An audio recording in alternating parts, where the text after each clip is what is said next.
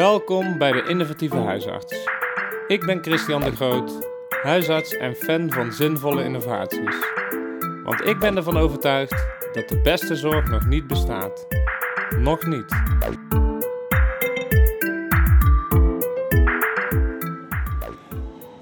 Vandaag spreek ik Ellie Vogelzang. Ze is huisarts in Eindhoven en combineert in haar praktijk reguliere zorg met alternatieve geneeswijzen.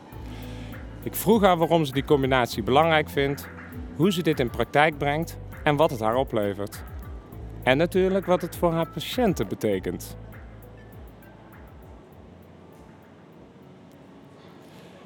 Zo Ellie, we zitten een keer niet in een spreekkamer, zoals ik meestal interviews afneem, maar in Napels.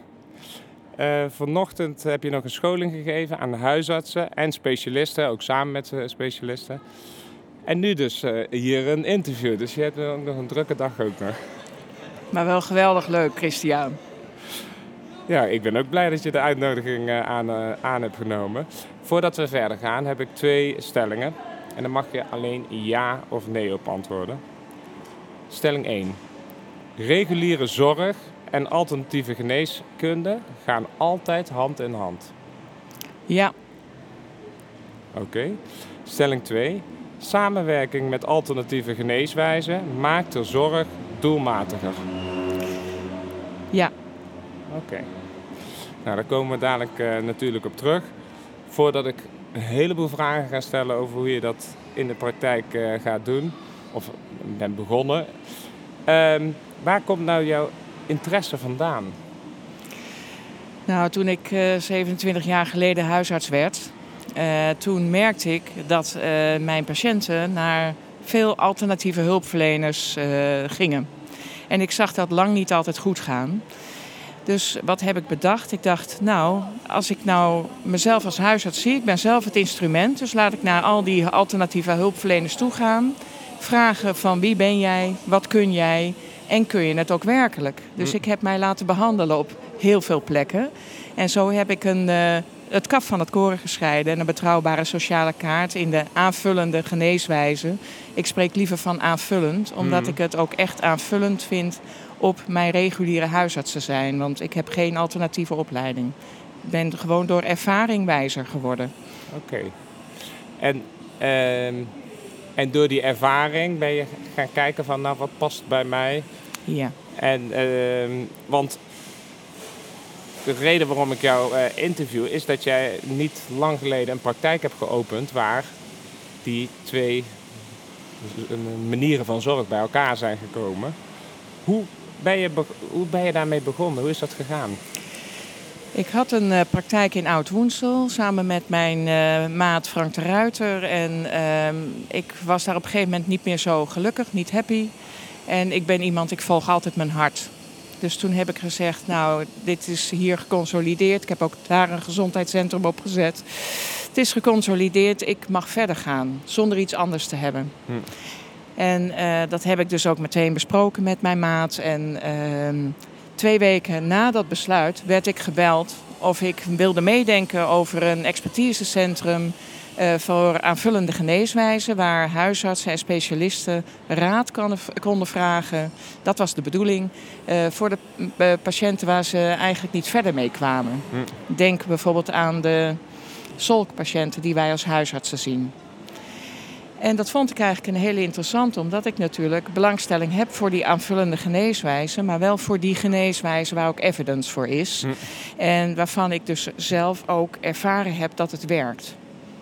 Kijk, en uh, het medische kwartier in Eindhoven is van start gegaan. Um, en ben je dat zelf mee begonnen of zijn dat uh, mensen die jou daar, je zei al dat je bent daar ook min of meer voor gevraagd? Ja, ja het, het, het was zo toen wij, ik, ik heb me dus aangesloten bij die discussie van hoe zouden we nou een expertisecentrum in de regio op kunnen zetten op een goede manier die ook past, die ook huisartsen en specialisten past. Hm. Ehm, en uh, gaandeweg de discussie kwamen wij erop dat we het eigenlijk als basis een gezondheidscentrum uh, zouden nodig hebben. Hm. En uh, dat hebben we gerealiseerd midden in Eindhoven, schuin tegenover het Van Abbe Museum. En ehm, dat is hartstikke mooi, want daar ben ik gewoon reguliere huisarts met mijn twee collega's. Ook geen alternatieve opleiding. maar wij hebben wel een acupuncturist, een osteopaat, een ademtherapeut. Ik vertelde je al dat adem een heel belangrijk medicijn is. Mm. Uh, en uh, uh, daar hebben wij een diëtiste die leert voor orthomoleculaire voeding en een holistisch fysiotherapeut. En ik ben daarvoor gevraagd door Stijn Mol, gepensioneerd longarts uit het Maxima. En die uh, had uh, een groep van vier mensen om zich heen verzameld die allebei allemaal diezelfde visie hadden. Ja, ja. En die visie is, we gaan naast de mensen staan, we kijken wat er aan de hand is. We bespreken dat met, uh, met de patiënt in dit geval. Kijken wat er nodig is, maar ook vooral wat de mogelijkheden zijn van iemand. Ja. Dus persoonsgerichte zorg met iemand dus echt in zijn eigen regie zetten. Ja. ja ik heb jullie een mooie site gezien en er staat ook een stukje over jullie visie. En daar uh, zag ik ook iets over de vier P's. Nou, de 1 P heb je al genoemd, hè? P uh, persoonsgericht. Kun je er iets meer over vertellen? Ja, eigenlijk heb ik er al twee stiekem genoemd. Oh. Persoonlijk natuurlijk, dat doen we allemaal als huisarts, persoonsgerichte zorg. Hè. Dat is uh, tegenwoordig een, een veelgehoorde term. Participatie, hmm. de regie, die hond is er het ook mee eens op de achtergrond. Ik, ik, zit sowieso, we hebben zoveel omgevingsgeluid. Normaal zit ik in een kamer. Met, ik vind het wel grappig om een keer zo buiten in Napels, in de stad. Maar we gaan gewoon lekker verder. Maar de participatie, de tweede P, dat is de regie van de patiënt. Hè. De, je, je, je ondersteunt eigenlijk iemand in zijn eigen kracht. En dat hij zijn eigen mogelijkheden kan gebruiken. Preventie. Hm. Uh, dat je eigenlijk, we zijn als huisartsen, zeg ik wel eens, voor gezonde mensen en de specialist voor de zieke mens. Hm. Uh, hoe hou je iemand nou zo gezond mogelijk? Dus de preventie. En uh, de vierde is predictie. Dus hoe kan je gezondheidsrisico's voorspellen en hoe kun je daarmee omgaan? En hoe wij dat doen is met, waarschijnlijk wel bekend aan de luisteraars, de positieve gezondheid van Martel Huber en het leefstijlroer van de vereniging Arts en Leefstijl. Ja, ja.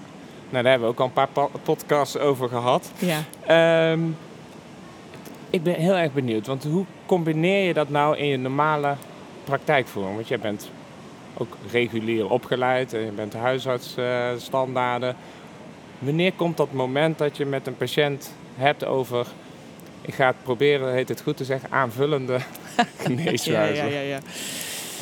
Ja, eigenlijk, uh, wij hebben een kwartier voor elke patiënt. Als ik iemand nog niet echt ken, probeer ik daar een dubbelconsult, dus een half uur, voor uit te trekken. Uh, en ja, dan is het heel erg kijken, wat heeft iemand, wat is er aan de hand en wat heeft iemand nodig? En daar gebruik ik het leefstijlroer vaak voor. Vanmorgen hadden we het over de aanvullende zorg in de oncologie. Uh, mensen die heel ernstig ziek zijn, uh, ja, de positieve gezondheid, daar vul je een spinnenweb voor in. Hè? Mm -hmm. de, uh, zes pijlers met zeven vragen. En dat is vaak al te veel voor bijvoorbeeld iemand die hartstikke moe is van de chemotherapie en zich niet lekker voelt. Maar het leefstijlroer, dat, daar kun je gewoon kiezen. Voeding, verbinding, ontspanning, zingeving. En dan kan iemand gewoon meenemen naar huis. Kijk er maar gewoon eens naar. En dan kom jij over een paar dagen terug, zeg ik dan altijd. En dan hebben we het erover. Uh, hoe je ja, eigenlijk uh, je leven op poten kan houden. Ook in die moeilijke tijden voor als kankerpatiënten in hun behandeling zitten. Hm. Bijvoorbeeld, hè? ik noem een voorbeeld. Maar het moment dat je dan zelf ook. Ik vraag me dan af, hè, uh, is het dan dat je meer reactief bent als een patiënt begint over alternatieve of uh, aanvullende geneeswijzen? uh, of ga je jezelf ook proactief ja. aanbieden? Het is eigenlijk behoeftegestuurde zorg. Uh, toen ik opgeleid werd, toen werden wij echt aanbod gestuurd uh, opgeleid. De patiënten moesten ze maar voldoen aan de kunstjes van de dokter. Eventjes heel cynisch gezegd. Maar dit is eigenlijk behoeftegestuurd. Dus je vraagt wat iemand werkelijk nodig heeft. Dus, en als je inderdaad achterover leunt Want wij dokters die interrumperen al na 16 seconden, Mm, geloof ja, ik, hè, ja, volgens wetenschappelijk onderzoek. Maar als je rustig over de patiënt laat vertellen, eh, dan hoor je wat hem bezighoudt, wat hem of haar bezighoudt. En eh, dan kom je vanzelf eh, naar de klachten waar iemand mee gekomen is. Want er zit altijd een hulpvraag eh, onder de klacht natuurlijk. Nou, daar zijn wij in opgeleid. En eh, van daaruit kijk ik van, goh, wat is hier nou aan de hand? En soms roep ik daar dus ook eh, een van de eh, therapeuten uit het centrum bij. Dat eh, stel, iemand heeft heel erg nek- en schouderklachten, frozen shoulder-achtig. Dan wil ik wel eens de osteopaat erbij roepen van, goh, is dit niet iets wat jij los kan maken? Of bijvoorbeeld iemand die heeft last van een buikgriep. En eh, daar komt hij maar niet vanaf van de diarree. Dan overleg ik dat wel eens met de acupuncturist en met de diëtiste. Hebben wij nou mogelijkheden waarvan de patiënt gebruik kan maken om toch weer gezonder te worden? Ja, ja. En dat vind ik heel prettig dat ik dat bij de hand heb in het gezondheidscentrum. En dus wat ik, eh, eh, wat ik wil zeggen is dat je, je, je gebruikt je, de, gewoon je reguliere zorg, de kennis die je daar hebt. En op het moment dat je dingen hebt uitgesloten, kun je op die manier Ja. ook zelf proactief. Ja. Want dat, dat triggert, ja, daar heb ik de afgelopen dagen ook wel eh, over nagedacht. Want je hebt ze gezegd, of je zei van ik heb het zelf ook ondervonden, onderzocht. Maar hoe weet je dat sommige dingen geen kwakzalverij zijn? Ja, dat woord, ik weet niet of je dat zelf Nou ja, wel eens gebruikt, maar Eh, een aantal dingen zijn natuurlijk, daar is evidence voor. Hè? Ademtherapie, goed onderzocht. De ademtherapeut die bij ons in het centrum werkt, is er ook op gepromoveerd. Eh, acupunctuur, eh, dat is in Nederland nog niet zo goed onderzocht. Maar eh, je, de traditioneel Chinese geneeskunde is natuurlijk net zo goed een universitaire opleiding van zes jaar. Ja. En dat vind ik altijd wel een leuk verhaal. wat ik van een traditioneel Chinese dokter gehoord heb die in Taipei, Taiwan is opgeleid. Je hebt een ziekenhuis en aan de ene kant staat de universiteit die westers georiënteerd is. En aan de andere kant de universiteit die Chinees geneeskundig georiënteerd is. En op de afdelingen werken ze samen. Oh, geweldig. Ja. En daar behandelen ze ja, bijvoorbeeld eh, eh, vrouwen die moeilijk zwanger kunnen worden.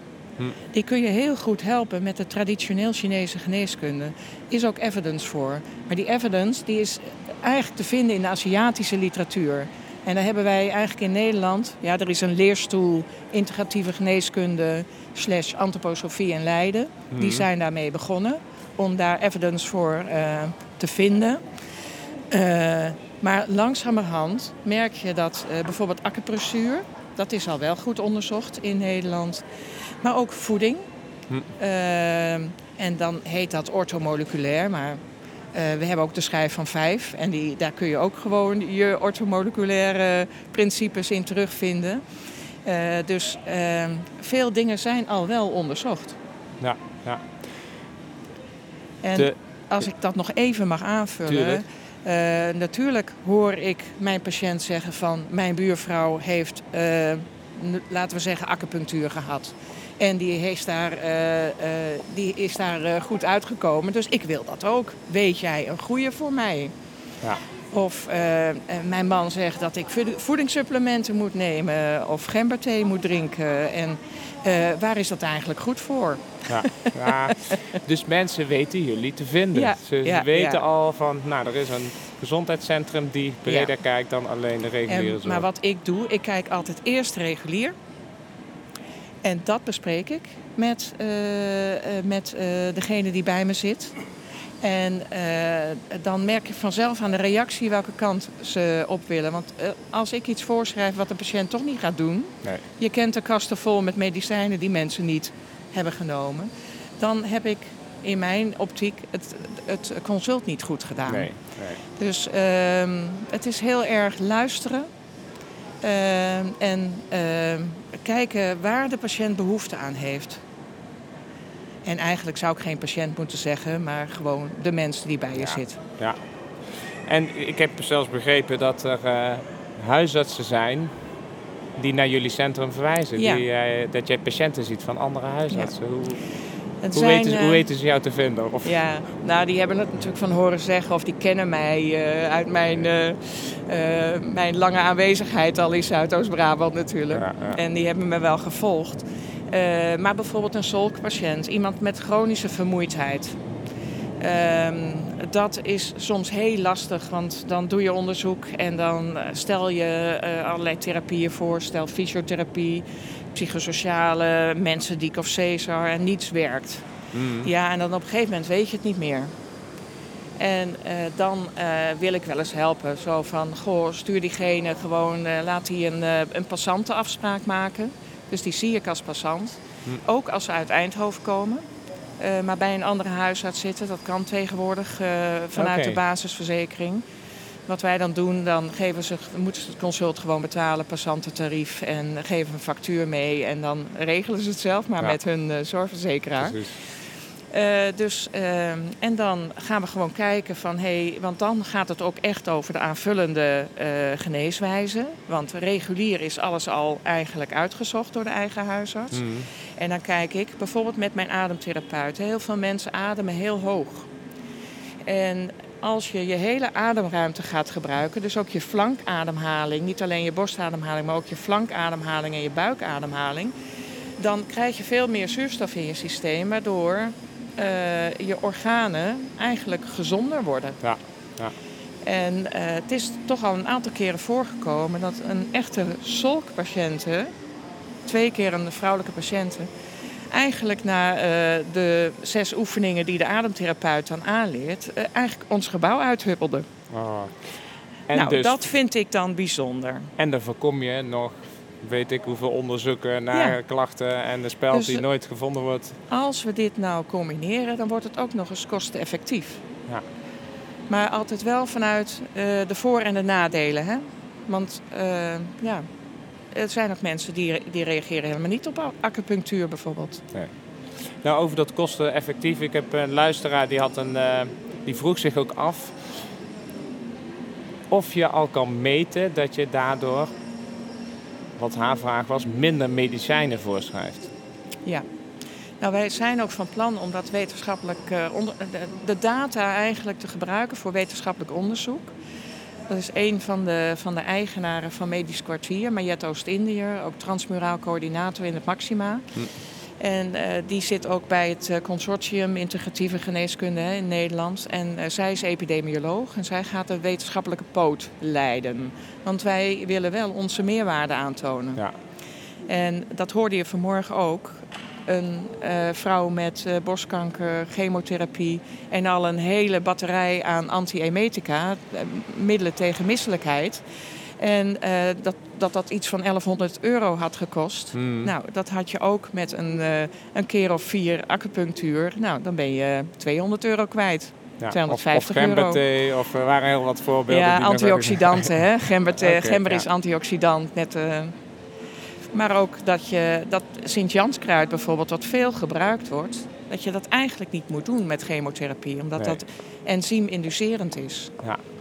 Ja, die eh, app die vanochtend genoemd werd, die... eh, About herbs. About Herbs, ja, dat, eh, die ga ik wel erbij halen als mensen daar vra- vragen over hebben. Ja. Nou, die, Ik was zelf ook benieuwd of dat dan ook ehm, leidt tot minder verwijzingen. eh, in mijn ervaring is van wel. Als ik kijk, eh, toen ik begon als huisarts en ik kijk nu in deze setting, dan verwijs ik de helft minder. Zo. Maar misschien niet helemaal eerlijk, want toen ik net begon als huisarts had ik natuurlijk ook minder ervaring en dan verwijs je sneller. Maar als ik het vergelijk met mijn vorige gezondheidscentrum Vredesplein en nu, dan eh, scheelt dat toch echt wel 25 procent. Oké, dat is echt wel een... eh, Ja, dus 25 tot 50 procent scheelt het in mijn praktijk. Hè? ehm, dus ehm, de- de- jouw patiëntenpopulatie, is dat, zijn het allemaal mensen die echt bewust kiezen? Of, Een deel wel, een deel niet. Eh, we hebben, om een basis te hebben voor het gezondheidscentrum Medisch Kwartier in Eindhoven, hebben we een antroposofische praktijk overgenomen. Omdat we een populatie wilden hebben die daarvoor open zou Ja. staan. Eh, en die ook bereid zou zijn om in zichzelf te investeren. Want helaas worden niet alle aanvullende geneeswijzen vergoed. Hm. Sommigen voor de helft in de aanvullende verzekering. Uh, en maar heel veel mensen, ja, dat weet jij ook, hebben tegenwoordig geen aanvullende verzekering meer. Dus dat betekent een investering in jezelf. En, uh, maar het, ik vind het ook wonderbaarlijk hoeveel mensen daartoe bereid zijn. Ja. En dat maakt de, de, de zes niet uit of ze nou weinig geld hebben of veel geld. Als iemand het als een noodzaak voor zichzelf ziet en dat hij daar baat bij zou kunnen hebben, dan is een mens snel bereid om daar zelf in te investeren. Ja, ja dat, dat want... Maar ik vind het jammer dat het niet uh, allemaal vergoed wordt. Daarom willen we daar ook uh, ja, eigenlijk evidence voor verkrijgen. Ja. Om de, te voorkomen dat je een kloof, kloof ja, gaat krijgen. Ja. Een kloof nog groter wordt, hè? Want de kloof, nog is, groter wordt, want die is er al. Helaas al. Wat krijgen jullie van patiënten terug? Dat ze, het, dat ze zich serieus genomen voelen, dat ze zich gehoord en gezien voelen. En dat ze toch wel heel verbaasd zijn dat eigenlijk nog niemand ooit naar hun behoeften heeft gevraagd. Zo. Wat betreft hun gezondheid. Ondanks dat ze wel in een antroposofische praktijk ja, zijn met maar we hebben, patiënten. natuurlijk, uh, dat, we hebben natuurlijk ook al inmiddels, want we zijn met 1500 patiënten van de antroposofische praktijk uh, begonnen. Ja, en we hebben er ja. inmiddels uh, 2500. Oh ja. ja. Kijk, de mensen uit, uh, die zijn gebleven, hè, want je hebt altijd verloop als je een praktijk overneemt. Uh, die zijn echt wel, uh, die willen het eigenlijk puur antroposofisch. En dan zeg ik, ja, antroposofie is soms een beetje monomaan. Mm. Uh, die willen dan alleen maar voedingssupplementen, terwijl het soms gewoon beter is om het regulier aan te, aan te vliegen. Ja. ja. Dus het gaat ook andersom. Ja. Ja, ik weet eigenlijk zo weinig van antroposofie. en, en ik word echt geprikkeld deze uh, dagen om me ook breder te oriënteren. Ja. Want ik merk wel, hoe langer je huisarts bent, hoe meer je beseft dat de reguliere geneeskunde ook heel veel beperkingen kent. Zeker, ja, weet je, 50% wat wij als reguliere artsen doen, is ook niet bewezen. Nee. En dan krijg je altijd uh, wel een argument te horen van ja, nee, maar hè, er is geen evidence voor of uh, hè, het, uh, het is allemaal kwakzalverij. Ja, dan denk ik, dat is toch wel vrij kortzichtig. Kijk Ja. eens naar wat de mensen nodig hebben. Ja. Dan, dat zegt mijn huisartsenhart, hè? Ja, nou ja, dat, eh, hoe langer ik arts ben, hoe meer ik me schaam voor het boekje wat ik nog in mijn kast heb. Ik pak hem nog wel eens bij van ja, vroeger vond ik dit een leuk boekje. Dat was eh, van de stichting tegen, geloof ik, Stichting tegen kwakzalverij. Maar daar ben ik echt zo op teruggekomen. Op veel vlakken zie je mensen echt baat bij hebben. Mooi. Ehm, ik denk dat, de, dat ik, maar, en hopelijk de luisteraar een goed beeld heeft gekregen. eh, wat, maar ik zie jij nog geknikken. Ja, Volgens mij nou, jij benoemde net zeggen. die eh, Herbs-app. Hè? Oh, ja. Ehm, eh, het Memorial Sloan Kettering Center in Amerika heeft heel veel eh, onderzoek ook gedaan eh, naar aanvullende geneeswijzen. En die hebben die app dus ontwikkeld waarin je van heel veel supplementen en kruiden en wat mensen gebruiken, gewoon kunt zien wat het doet. welke nadelen en voordelen het heeft en wat de contra-indicaties zijn. Hm. En dat kan een huisarts in de spreekkamer ook echt helpen. Ja. Dus die gebruik ik heel veel. Ik wil met jou nog even terug eh, naar de stellingen. En ik denk, eh, met wat je allemaal verteld hebt, dat heel duidelijk is geworden waarom jij vindt dat de reguliere zorg, en ik ga het zeggen, aanvullende geneeskunde hand in hand gaan. En daarnaast zei stelling 2, de samenwerking met de aanvullende geneeswijze maakt de zorg doelmatiger. Nou, ik denk dat, dat, dat jij dat ook heel duidelijk eh, hebt eh, gemaakt. Ondertussen hebben we zelfs publiek hier die eh, meekijkt van wat is hier aan de hand? Niks aan de hand. Ehm, en dan heb ik nog één vraag.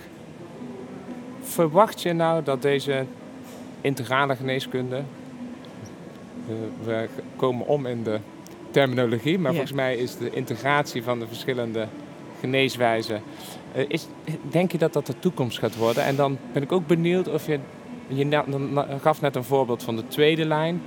Of dat in Nederland ook in zowel in de eerste als de tweede lijn eh, eh, echt een plek gaat krijgen. Ja, ik denk dat dit de toekomst is. Zoals wij het gezondheidscentrum hebben ingericht, denk ik echt dat dat de uh, gezondheidszorg van de toekomst echt gaat baten. En uh, niet alleen in uh, de eerste lijn, eigenlijk is het ook voor een deel nulde lijn zorgen. Want de mensen komen er vaak zelf mee met supplementen die ze slikken. En het leuke van de workshop van vanmorgen was dat het Maxima bijvoorbeeld ook een integratieve poli geopend heeft per 1 februari. Waarin we samenwerken. Ja. Dus ook in de tweede lijn om dat onderscheid nog maar te maken. Want in mijn optiek zullen we dat onderscheid mogen gaan verlaten. Uh, is de aanvullende zorg echt uh, naast, mag op een gelijkwaardige basis, gelijkwaardige positie staan naast de reguliere zorg. Hm. Waarbij we wel altijd in de gaten moeten houden dat het ook zinvol is. Ja, ja. Nou, we zijn uh, aangekomen tot wat het is wel leuk dat, je, dat we nou zo'n achtergrond hebben. Wat je de luisteraar in één zin wil meegeven. In één zin. Dan zou ik zeggen, je bent zelf het instrument als dokter. En uh, vraag eens uh, aan de patiënt, ik noem dat altijd het andere gesprek. Ga gewoon eens achterover zitten en luister naar de behoeften van de patiënt die bij je is. De mens die bij je is. Dit was de innovatieve huisarts. Met een inspirerend verhaal om de zorg slimmer in te richten. Samen met mijn partners Meditools en Rabobank zoek ik verder naar nog meer mooie innovaties. Je hoort snel van me.